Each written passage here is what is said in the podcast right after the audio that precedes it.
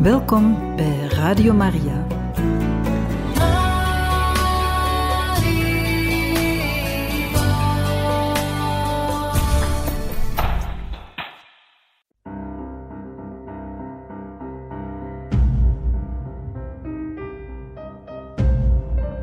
Het woord spreekt. Een programma van Radio Maria.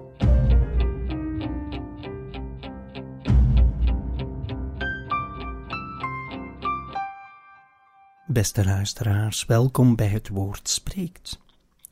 We zijn bezig met de lezing van de Handelingen van de Apostelen en zijn gekomen aan hoofdstuk 9, vers 19, het tweede deel van die vers. En we lezen vanaf daar. Hij, Paulus, was enkele dagen bij de leerlingen in Damaskus. En meteen al verkondigde hij in de synagogen dat Jezus de Zoon van God is. Alle toehoorders stonden versteld en zeiden: Maar dit is toch de man die in Jeruzalem iedereen naar het leven stond, die deze naam aanroept. Ook hier was hij met dat doel gekomen, om hen gevangen te nemen en naar de hoge priesters te brengen. Saulus' optreden werd steeds sterker. Hij bracht de Joden die in Damaskus woonden in verlegenheid door hun te bewijzen dat Jezus de Messias is.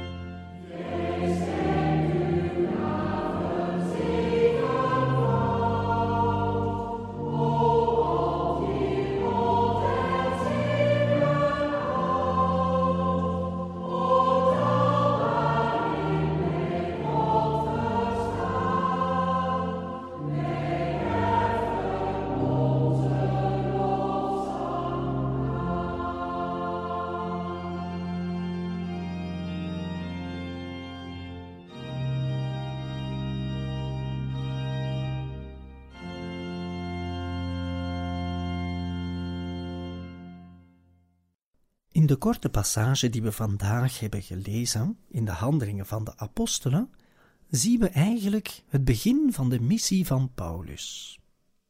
Paulus gaat terstond na zijn genezing en zijn korte voorbereiding in het verborgene, zouden we kunnen zeggen, want hij had niet gegeten, niet gedronken en hij was blind.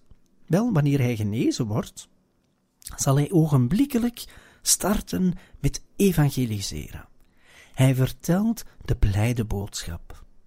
Iedereen is verbaasd, want enkele dagen voorheen deed hij net het omgekeerde. Hij had een weg bewandeld die niet in de richting ging van Jezus, niet in de richting van het goede. Maar hij bewandelde een tegenovergestelde weg, een weg die ging naar het kwade, naar vervolging, naar haat. En daarom is, zijn de mensen allemaal verbaasd. En wat is hetgeen dat Paulus als eerste verkondigt? Wel, het staat er. En meteen al verkondigde hij in de synagogen dat Jezus de Zoon van God is. Zie daar het begin van elke evangelisatie. Het begin van de ware verkondiging. Vandaag gebeurt het veel te weinig dat Jezus verkondigd wordt als de Zoon van God.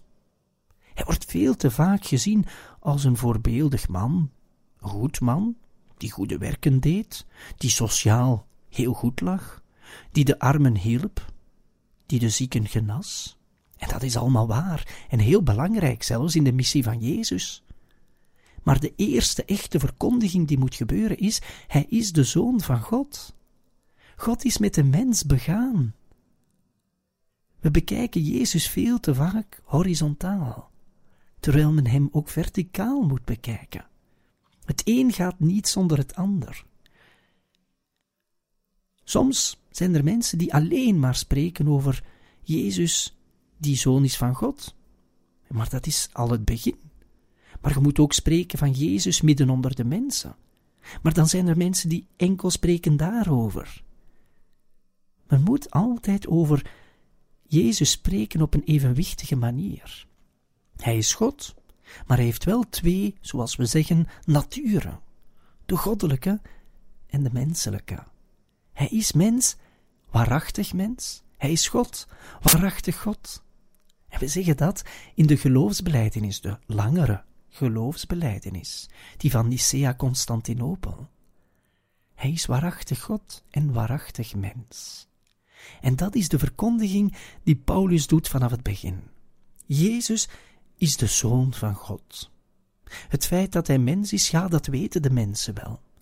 Want dat hebben ze gezien, zeker in zijn tijd. Velen waren nog ooggetuigen van Jezus, wat hij allemaal had gedaan, waar hij zich bevond. Het waren ooggetuigen. De menselijkheid van Jezus werd natuurlijk niet in vraag gesteld en gelijk hebben ze. Maar de goddelijkheid daarentegen, en daar wordt nu over gesproken. Paulus zal meteen verkondigen: Hij is de Zoon van God. Het gebeurt veel te weinig vandaag. Ook vandaag richt men zich misschien te veel op de menselijkheid. En die moet verkondigd worden, maar altijd tegelijkertijd met het goddelijke. Het is God zelf die begaan is met de mens. We hebben het gevierd wanneer we, elk jaar trouwens, wanneer we kerstmis vieren. Dan spreken we over God die mens wordt. We spreken over de Emmanuel, God met de mensen. God komt bij ons om ons naar Hem toe te brengen, toe te halen. Daarom is het ook, ja, goed en zelfs noodzakelijk om altijd te beginnen spreken over God, die in zijn Zoon Jezus naar ons toe komt en ons naar het eeuwig leven haalt, en het bewijs daarvan is die verrijzenis, de kern van ons geloof. Jezus Christus is diegene, God, die mens wordt, maar die gestorven is en begraven en verrezen. Verrezen op de derde dag.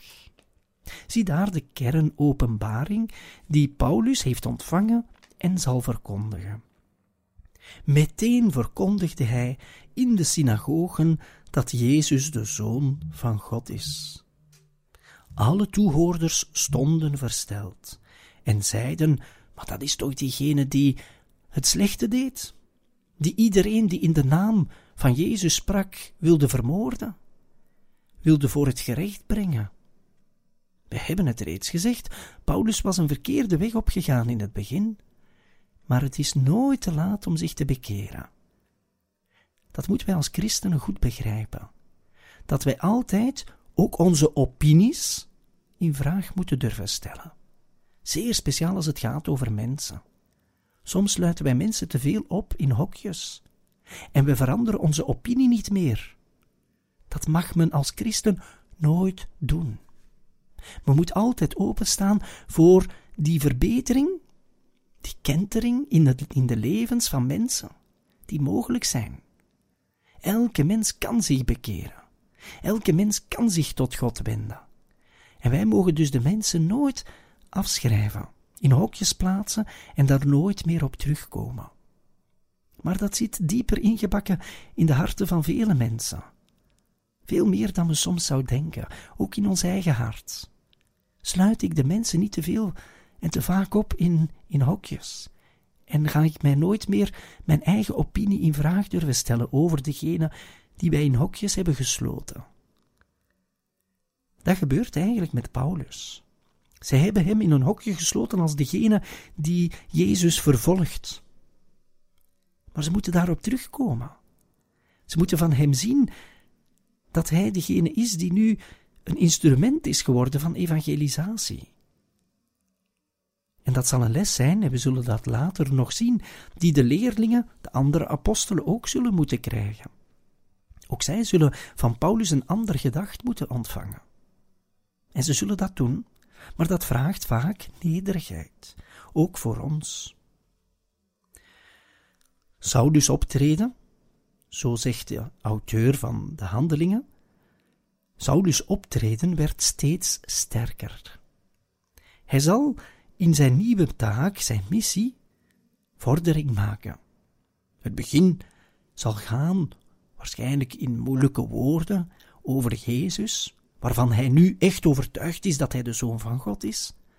Maar die woorden zullen sterker spreken, naar gelang hij meer en meer echt getuige zal worden, omdat hij zijn leven ook zal veranderen, zijn houdingen zal veranderen, en dit altijd naar het evangelie toe. Hij bracht de Joden die in Damaskus woonden in verlegenheid, door hun te bewijzen dat Jezus de Messias is. Ja, zo staat het er op dit moment. Namelijk dat Paulus zelfs bewijst dat Jezus de Messias is. Paulus is onderricht.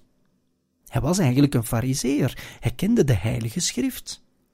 En nu dat hij gelooft in Jezus, zal hij ook zien waar in de Heilige Schrift, in het Oude Testament, er geschreven staat over Jezus. Hij zal dat kunnen uitleggen aan zijn mede-fariseeën. En hij brengt hen daardoor in verlegenheid, want hij komt met sterke argumenten. Maar het zullen niet de sterke argumenten zijn die enkel en alleen maar bekeringen brengen. Het zal de Heilige Geest zijn. En dat is iets dat ook wij nederig moeten bekennen. Als wij werken aan evangelisatie, als wij mensen proberen te overtuigen om het geloof aan te nemen, dan zal dat nooit kunnen gebeuren enkel en alleen maar door onze woorden. Maar dat zal kunnen gebeuren als wij de Heilige Geest laten werken. En misschien gebruikt de Heilige Geest ons als instrument. Zeer mooi en dankbaar moeten we daarvoor zijn. Maar het is nooit door ons toedoen dat iemand zich bekeert. Men bekeert zich alleen door toedoen van de Heilige Geest, die ons misschien wel als instrument heeft gebruikt. Van Paulus wordt wel degelijk gezegd dat hij het gekozen instrument is door de Heer om het evangelie te verkondigen onder de volkeren. En dat evangelie, wel de essentie daarvan is, Jezus Christus is de Zoon van God. En zo hebben we vandaag gelezen in de Handelingen van de Apostelen, hoofdstuk 9, versen 19 tot en met 22.